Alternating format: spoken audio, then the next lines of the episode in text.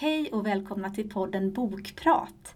Vi som driver den heter Hanna. Och jag heter Lotta och vi jobbar som bibliotekarie på Jenny Nyströmskolan.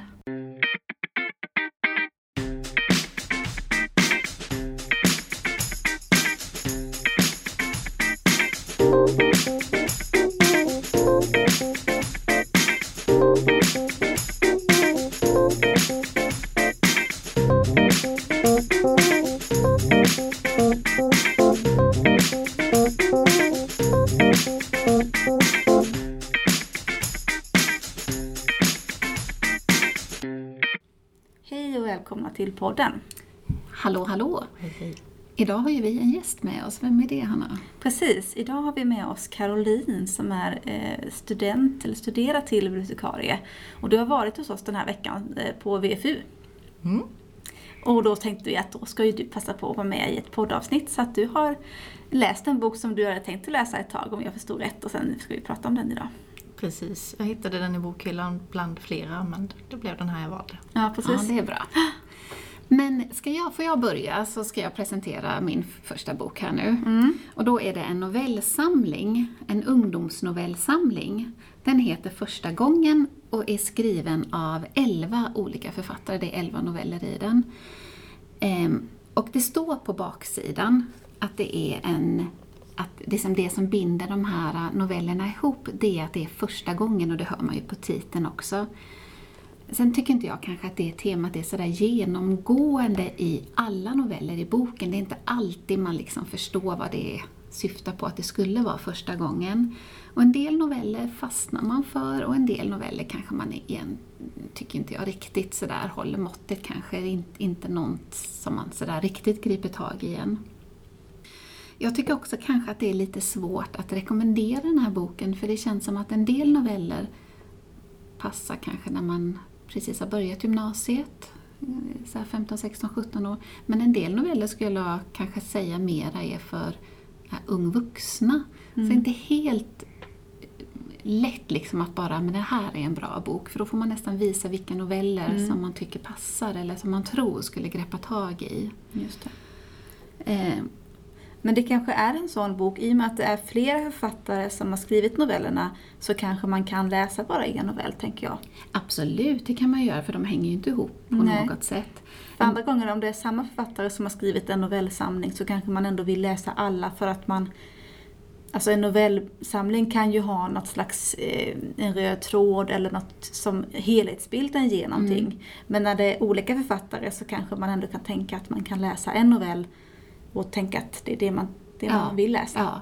Och man kanske har någon favoritförfattare här ju som har skrivit Mm. en av novellerna. Och det är ju en del författare här som man känner igen och det är en del som man faktiskt inte känner igen. Vi, jag frågade ju er innan om ni kände igen alla här men det, det kom vi ju fram till att det gör vi inte riktigt. Men det är någon novell handlar om en, eh, den första novellen som är skriven av Lova Laxo. Den handlar om en ung tjej som precis har tagit studenten och hon har varit den här duktiga flickan men hennes bästa kompis är mer den här lite revolutionären som vill se livet, den här fria. Och så handlar det om ja, hur de, eh, vad som ska hända efter studenten. Och den här eh, fria kompisen eh, drar med sig eh, den duktiga flickan eh, Tella, tror jag hon hette, till eh, Barcelona. Och riktigt vad som är första gången där, det tror jag inte riktigt jag klurade ut. Vad, som, ja, vad just det skulle vara. Första gången man tar studenten kanske, men det Eller brukar ju vara första första och enda. Första gången i Barcelona kanske. Ja, eller första gången som hon vågar göra någonting som inte är den här duktiga flickan. Lite så här att Mm. eh, gå lite mot sina föräldrar som hade egentligen stakat ut ett perfekt sommarjobb på en bank. Och, ja, det, det var så väldigt ordning och reda. Eh, novell nummer två som är skriven av, eh, ska vi se vem det var som skrev den. Jag ska inte gå igenom alla noveller här så ni behöver inte vara oroliga. det är elva stycken. Eh, Emelie Roslund. Eh, den, där är karaktären också en tjej men lite äldre. Eh, och den handlar om eh, en ja, men typisk sån här, man börjar instagramma eller man börjar skicka meddelande, chatta med en kille och hon tar sig faktiskt mod att resa till New York där han bor. Men när hon väl är där så finns han inte. Eller vill inte träffa henne och inte alls uppfattat. Men, riktigt sån här ja, hjärtesorg och det kan man ju lite första gången man blir så riktigt bränd. Och det, det temat återkommer i flera noveller. Ehm, sen har vi några noveller som talar om den här första kärleken. Och mm, det är ju ändå ganska fint. Både att man blir, någon, någon blir ju riktigt bränd men också någon som liksom utforskar sig själv och sina känslor och ja, men man på väg in i vuxenlivet, ni vet, så där man klurar sig fram och tillbaka. Eh, de två som jag kanske fastnade mest för, det är två stycken som kanske vänder sig till lite äldre skulle jag säga. Men de använder stilbegreppet just det här att eh, första gången. Eh, och bland annat så var det Irena Possar, Potsar, jag vet inte riktigt hur hon uttalar. Men hon börjar varje stycke med första gången. Och det blir ganska häftigt när man läser tycker jag. Det är ganska långa stycken så det är inte sådär att första gången är med jättemånga gånger så att man hinner tröttna på stilbegreppet utan ja, sådär några gånger. Och en novell är ju inte så lång heller så det, det blir liksom en bra grej tycker jag när man läser. Och den andra som använder det, det är Kristoffer Folkhammar. Och han använder begreppet genom att han, i den novellen, det var nog den jag tyckte bäst om faktiskt. Det handlar om en pojke som är HIV-positiv. Det är ju lite konstigt men vi har haft flera böcker väl med just det temat. Mm, eller det är inte så länge sedan som vi Nej. hade den här boken eh, Helt ärligt som Precis. handlade om det. Mm. Ja. Eh, men då, eh, varje stycke handlar om en bild, om ett fotografi. Så det är första bilden, första stycket då, andra bilden, tredje bilden. Och genom de här bilderna får man lära känna den här pojken.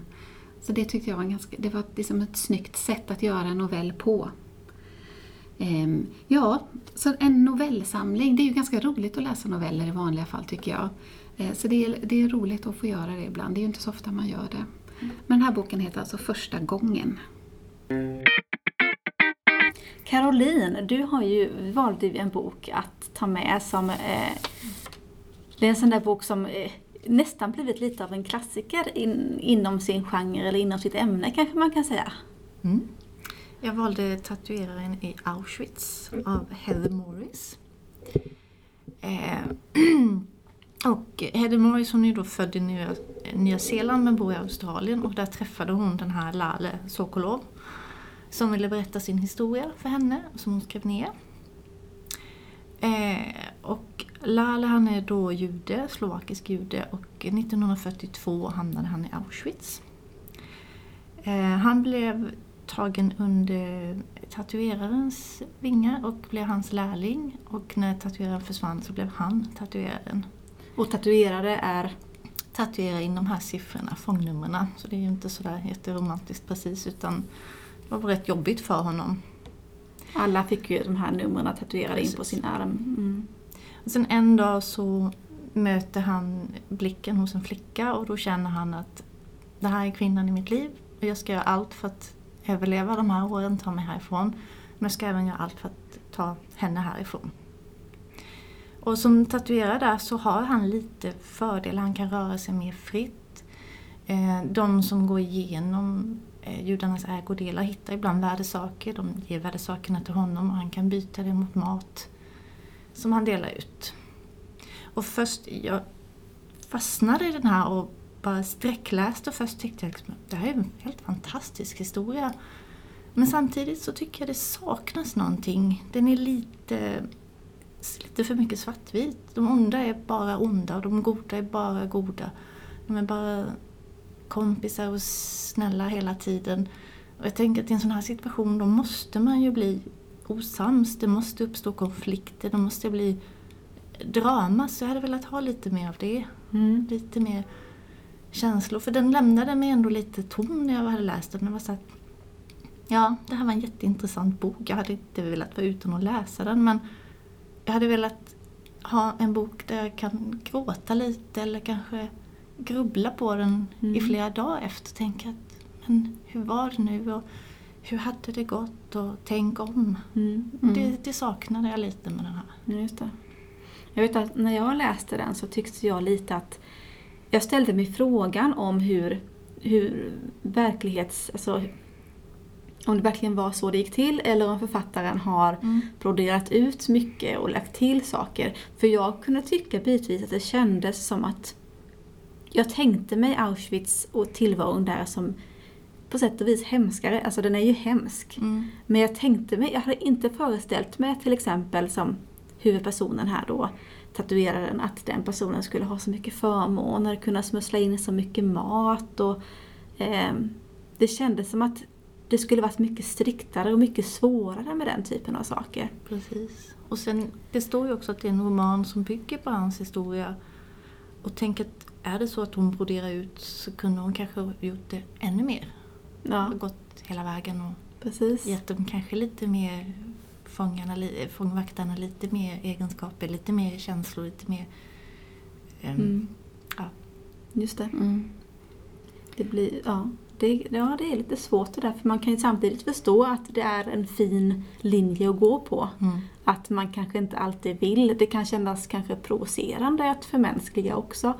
Eh, men såklart, det är ju människor det också. Mm. Mm.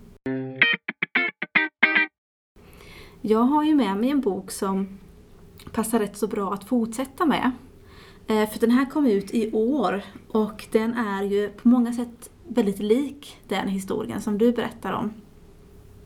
Och det är Bibliotekarien i Auschwitz av Antonio Iturbe. Eh, Och det här är också baserat på verkliga händelser. Eh, Det handlar om eh, en kvinna som överlevde. Hon hamnade på Auschwitz, i Auschwitz som rätt så ung. Och hon hette Dita Kraus, eller jag tror kanske hon fortfarande lever.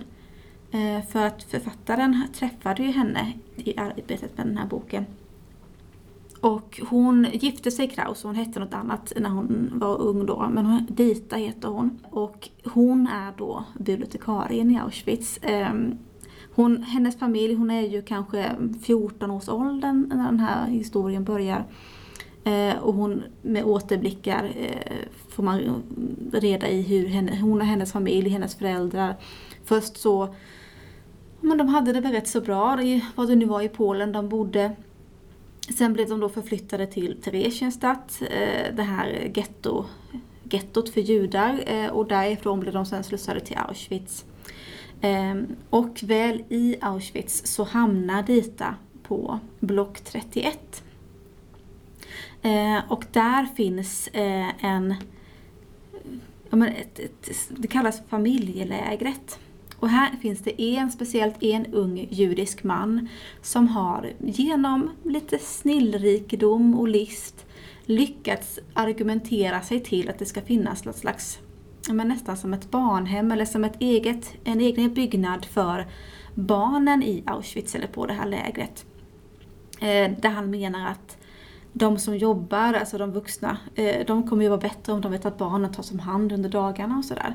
Så han har ett sätt och liksom en kontakt med, med vakterna och han är tysk själv, det kanske är en fördel. Eh, Så han lyckas liksom se till att, att det finns ett ställe där då några stycken kan arbeta som att ta hand om eh, barnen.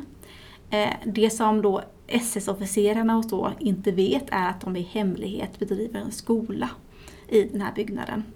Eh, Så, så fort det är inspektion så måste de snabbt gå över till att ja, leka lekar eller göra andra saker. Men när det inte är någon inspektion då sitter de där i grupper och en lärare per grupp som då berättar saker, undervisar i saker. Och de har ju då dessutom lyckats smuggla in ett få antal böcker. Eh, åtta stycken tror jag totalt. Och Dita blir ansvarig för de här. Hon blir den som får se till att plocka fram dem för de göms ju mellan varje dag och sådär. Eh, och, och, och liksom organisera vem som ska ta vilken bok och sådär. Eh, och så får ju en lärare kanske jobba med den här boken under en viss tid av dagen för det finns ju bara åtta stycken. Eh, Så det här är ju liksom Ja, just det här att man i detta, denna misär och i bland massa död och elände så försöker man ändå göra någonting. Och den här Fredi Hirsch, han är då en ung atletisk man, har alltid varit liksom engagerad i barn och ungdomar och tänkt att det här är vår framtid, vi måste ju börja där. Ehm, så han är väldigt initiativtagande och står liksom på barnens sida. Ehm, och han, har en sån, han känner sån stolthet över detta, att också den här byggnaden, block 31, är ett av de få där det liksom inte är några dödsfall under hans tid. Där det är inga barn som dör. Ehm, och att man då håller på det här att man, det räcker inte med att man får i sig lite mat och vatten varje dag för att överleva utan ska man överleva som person och inte Mm. bara som människa, eh, om man säger så, så måste man också ha det här fantasin och det intellektuella spelrummet och utbytet och eh, att få tänka sig bortom murarna och bortom stängslet. Eh, och det är precis det som då böckerna, där böckerna kommer in. Jag tycker också det är lite kul för de har också det de kallar för levande böcker. Och då är det några få vuxna på lägret som har läst någonting så mycket så att de har memorerat den. Eh, bland annat så finns Selma Lagerlöfs Nils Holgerssons resa med i en då som har kan den så väl så hon sitter och berättar den historien. Då är hon som en levande bok. Och Det kan man ju tänka sig att det är någonting som har lite gått förlorat idag. Vi har ju inte den muntliga traditionen på samma sätt som man Nej. har haft genom historien. Så eh, Mm. vi är nog mindre rustade för eh, Ja, sånt här i framtiden tror jag. absolut. Och också, jag tror att det, vi tar det så för givet, tillgången till böcker och tillgången till litteratur och den typen av saker. Överflöd av böcker. För Överflöd. hade man bara två då läste man dem kanske flera gånger. Mm. Mm. Och då satte det sig verkligen när man läste och kunde dem nästan utan till. Eh, Så det här är historien om Dita egentligen. Eh, Och det är lite liknande som i tatueraren i Auschwitz att man... Ja men, det är liksom inte bara Auschwitz dödslägret utan man ser också att här uppstår ju en slags vardag. Och det måste det ju göra tänker jag. Eh, där ja, men det handlar om små, små dramer mellan människor. Eh, där uppstår det lite tycke mellan dem. Eh, Dita är väldigt fascinerad av Fredrik Hirsch och följer honom noga och upptäcker snart att han har någon typ av hemlighet eh, som hon får reda på men som ingen annan vet. Eh, och hon vet inte riktigt hur hon ska hantera detta. Eh, sen mitt i allting så sker ju saker, alltså ett helt läger kan plötsligt flyttas till en annan del av Auschwitz och frågan är vad händer med dem då? Eh, och en kritisk punkt i boken är när då en stor del av det här block 31 flyttas. Inklusive till exempel då Fredrik Hirsch som har blivit en sån här, han är liksom en sån här stor person där om man säger så. Eh, och jag ska säga att han fanns ju också på riktigt. Eh, Och boken avslutas med ett slags efterord av författaren där han kommenterar och berättar lite grann om hur han träffade Dita. Eh, Och då var hon 80 år tror jag och han berättar om henne som en sån här riktigt gammal krutgumma som är rak i ryggen och glöd i blicken. Så. Att hon är fortfarande, hon håller på och försöker förmedla sin avlidne mans böcker för han har då skrivit också om detta. Eh, Han hette Ota Kraus tror jag och han förekommer också, förstår man lite, i den här berättelsen. Ehm, och eh, hon jobbar fortfarande med då att hon åker till ja, men de här souvenirbutikerna eller det där man kan köpa saker i anslutning till de här eh, lägren för turister och så. Så ser hon till, hon åker liksom bussen och forslar 50 böcker eh, till de här butikerna då för det ska finnas av hennes mans böcker. Och, eh, så. så att hon jobbar fortfarande liksom, i slutet av boken så är det fortfarande att hon är igång. Eh, så hon upp, framstår ju verkligen som en otroligt beundransvärd person. Ja, och nu har vi ju inte många det finns ju inte så många kvar längre som är överlevande Nej. eller överlevare från. Men jag läste faktiskt också en bok nyligen om, på just Auschwitz-temat. Eh, Den, är, den heter Jag stannade kvar i Auschwitz, en läkares vittnesmål. Ja. Och det var i boken, och jag tror att det är så, eh, det är liksom den enda bok som finns skriven, för han skrev boken när han satt i lägret. ja. Så att den är verkligen ett, eh, ja, en händelse. Och han är ju läkare, så han kom... Alltså det är svårt att använda rätt ord här, men lite lindrigare undan. Han behövdes ju helt enkelt Ja. i lägret. Men det som jag tycker man berördes mest av i den boken, det är vad som händer när lägret stängs. Eh, ett och tre kommer ju freden. Mm. Och då är de här människorna, de är ju totalt urmärglade och eh, lägret stängs och ingen tar hand om dem innan amerikanerna har hunnit på plats. Det tar flera dygn. Så är de bara där och de, det är mitt i vintern, Mm. iskallt. De försöker ta sig fram till närmaste by, där finns inte en människa. Eh, Så det här konstiga, är det fred? Vad, vad är det som har hänt? Det fanns ju inga mobiltelefoner, så fick ingen snabb uppkoppling. Liksom, vad, vad, vad har hänt i världen? Och sen också hur hans liv blev framöver. Alltså den här, att eh, han, han fortsatte att jobba som läkare sen men hade problem hela livet. Psykiska besvär och mardrömmar, svårt med relationer. Och, Ehm, så jag tycker det var det som greppar tag mest i den boken, det här att man tänker åh, frid och fröjd, liksom, nu är det fred. Mm. Men det, det är så mycket att bearbeta och det är så mycket som vi inte får glömma bort. Självklart är det så. Eh, Jag tyckte nog att den här var... eh, Jag, jag tyckte i början att jag kände att, att jag saknade någonting också, precis som du sa Karolina, att du saknade någonting, att jag kände att men ska den inte bli mer än så här? Men allt eftersom den fortsatte så tyckte jag nog att den gav mer och mer. Eh, och sen när jag började läsa på lite mer om henne eh, och eh, då tyckte jag att den blev ännu mer intressant. Och hon har ju skrivit en egen bok också som eh, också finns, eh, snart finns på biblioteket, för jag beställde den idag. Ehm, det finns bara på engelska tyvärr, men eh, hennes egen bok finns ju också att läsa och det tänker jag kan vara intressant att läsa efteråt då för att få liksom ytterligare ett perspektiv på det här. Ehm, men jag tyckte, och speciellt kanske när jag läste klart och kom till efterordet och fick den här lite mer Ja men där fick man liksom en viktig ledtråd till vad som hände med Fredrik Hirsch. För han blev ju förflyttad och jag ska inte avslöja vad som hände där i boken. Men man får mycket frågetecken kring det och man undrar kan det verkligen stämma? Och man känner ja, det är rätt så allvarligt ändå. Och det fick man en sån viktig pusselbit kring tyckte jag i efterordet. Så där kände jag att jag vill läsa mer om det här, jag vill läsa mer om de här personerna. Eh, Så jag kände att det väckte min nyfikenhet, den här boken. Och att jag fick också ett nytt perspektiv på tatueraren i Auschwitz. För den tanken jag hade att det ändå var så möjligt att, ja, men att få in saker och att det här med att det uppstod kärleksaffärer och att sådär. Här fick jag ju lite det bekräftat för att det var lite liknande. Och då tänkte jag att Ja, men det kanske är ett sätt att på något vis överleva en odräglig situation. Att man skapar de här små vardagsbekymren, det blir de här relations... Eh, så, sånt som man kan tycka i sammanhanget känns lite trivialt, men man kanske måste ha sånt för att kunna klara en sån situation. Eh, att man kan inte bara sitta och... Nej, men det, Och det är ju leva i att de som överlevde var de som hade på något sätt en vision av att det här, är en, det här kommer att ta slut Mm. eller orkade bygga en rutin, en, en, en vardag trots omständigheterna. Ja, Eh, att börja, orka börja om när allting förändras. För helt plötsligt så blir det ju nya, det som du säger, de flyttades ja. kanske från ett läge till ett annat och sen ja, då får man börja om på nytt. mm, Bygga upp tillvaron. precis. De som orkade ha hoppet och modet att... Ja, mm.